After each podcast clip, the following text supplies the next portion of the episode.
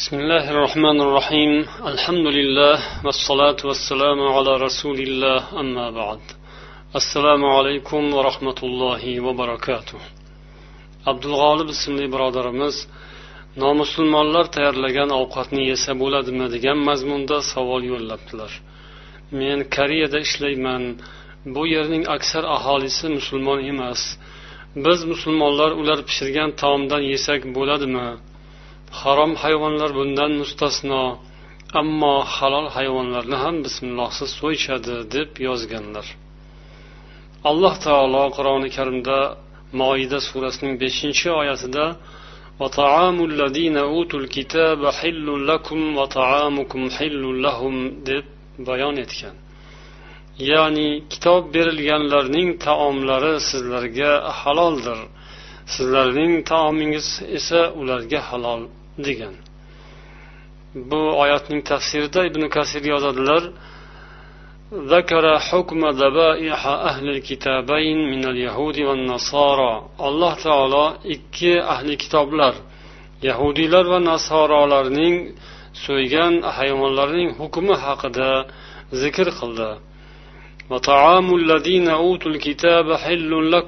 kitob berilganlarning taomlari sizlarga haloldir dedi bu oyatning tafsirida abdulloh ibn abbos ya'ni dabaihahum ya'ni ularning so'ygan hayvonlari deganlar deb keltiradilar ibn kasir ya'ni taomdan murod bu yerda so'yilgan hayvon وهذا أمر مجمع عليه بين العلماء أن ذبائحهم حلال للمسلمين barcha ulamolar o'rtalarida ittifoq qilingan masala buki ya'ni ahli kitoblarning so'ygan hayvonlari musulmonlar uchun haloldir.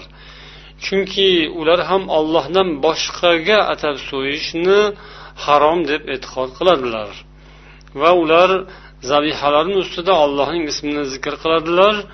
Agarchandiki ular alloh taologa noloyiq sifatlarni e'tiqod qilsalar ham deb yozganlar. Mufassir. Umuman bu oyatdan kelib chiqadigan ma'no va mana shu masala xususida ulamolarning xulosalari mana shundayki ahli kitoblarning so'ygan zabihalari ya'ni hayvonlari halol. Agar ahli kitob ya'ni o'zlarining dinlarida turgan dinlariga amal qilayotgan yahudiylar yoki nasroniylar bo'ladigan bo'lsalar ularning so'ygan hayvonlari ana shu go'shtdan tayyorlagan taomlari musulmonlar uchun halol sanaladi. Shunga ko'ra savol bergan birodarimiz agar siz yashayotgan shahar aholisi ahli kitob bo'lsalar ya'ni nasoro yoki yahudiy dinida bo'lsalar va o'zlarining dinlariga amal qilayotgan bo'lsalar ularning halol hayvon go'shtidan tayyorlagan taomlarini yeyish joiz. Albatta musulmonlar tayyorlagan taom bo'lsa afzali o'sha birinchi galda o'zingizning diningizdagilar tayyorlab bergan taom bo'lsa bu siz uchun xotirjamlik bo'ladi. Ammo musulmon ham ahli kitob ham bo'lmagan odam so'ygan hayvon go'shti halol bo'lmaydi. Musulmon yoki ahli kitob bo'lmagan odamning taomini yeyish mumkin emas. Agar taom go'sht va hayvon yog'dan emas boshqa masalliqlardan tayyorlangan bo'lsa kim tayyorlagan bo'lsa ham yeyish mumkin.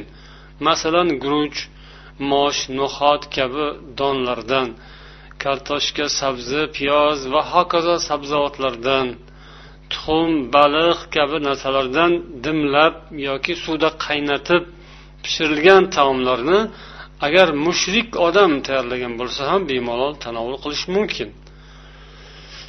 Yana shuningdek mazkur masalliqlar o'simlik moyida qovurilgan bo'lsa ham yeyish joiz. Ya'ni ahli kitob bo'lishi yoki musulmon bo'lishi shart emas.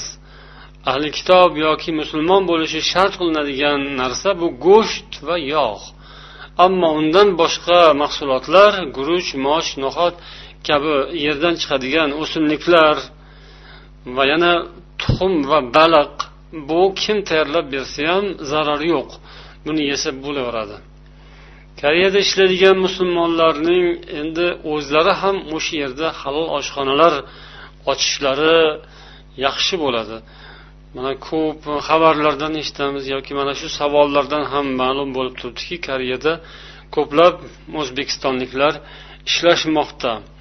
Mana hozir g'arb mamlakatlarida amerikada yevropada musulmonlar ko'p shu bilan birga qatorda ularning o'zlarini muassasalari masjidlari oshxonalari ham demak mavjud.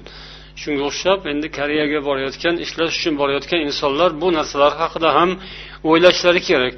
Aslida unday yurtlarga borishga aslida islom dinimiz targ'ib qilmaydi. Musulmonlar bor yerga borishga yo'l beriladi. Endi unday nomusulmonlar yurtiga borar ekansiz majburlikdan borasiz. O'z ixtiyoringiz bilan bemalolgarchilik bilan borish to'g'ri kelmaydi. Agar siz zarurat yuzasidan tijorat bilan yoki bir ish qilish tirikchilik qilish pul topish shunga majbur bo'lib o'sha yerlarga borgan bo'lsangiz endi diningizni ham albatta o'ylashingiz kerak bo'ladi. O'sha joylarda siz o'zingizga masjid tashkil qilishingiz va o'zingizni halol oshxonangizni tashkil qilishingiz haqida o'ylashingiz mumkin va bunga sizning albatta huquqingiz bor. Mana dunyoning boshqa mamlakatlarida musulmonlar hali aytganimizdek o'zlarining oshxonalari hatto do'konlari va masjidlarini ochyaptilar. Bu narsa haqida ham o'ylasangiz bu muammoyingiz inshaalloh hal bo'lsa ajab emas. Alloh o'zi yordam bersin. Assalomu alaykum va rahmatullohi va barakatuh.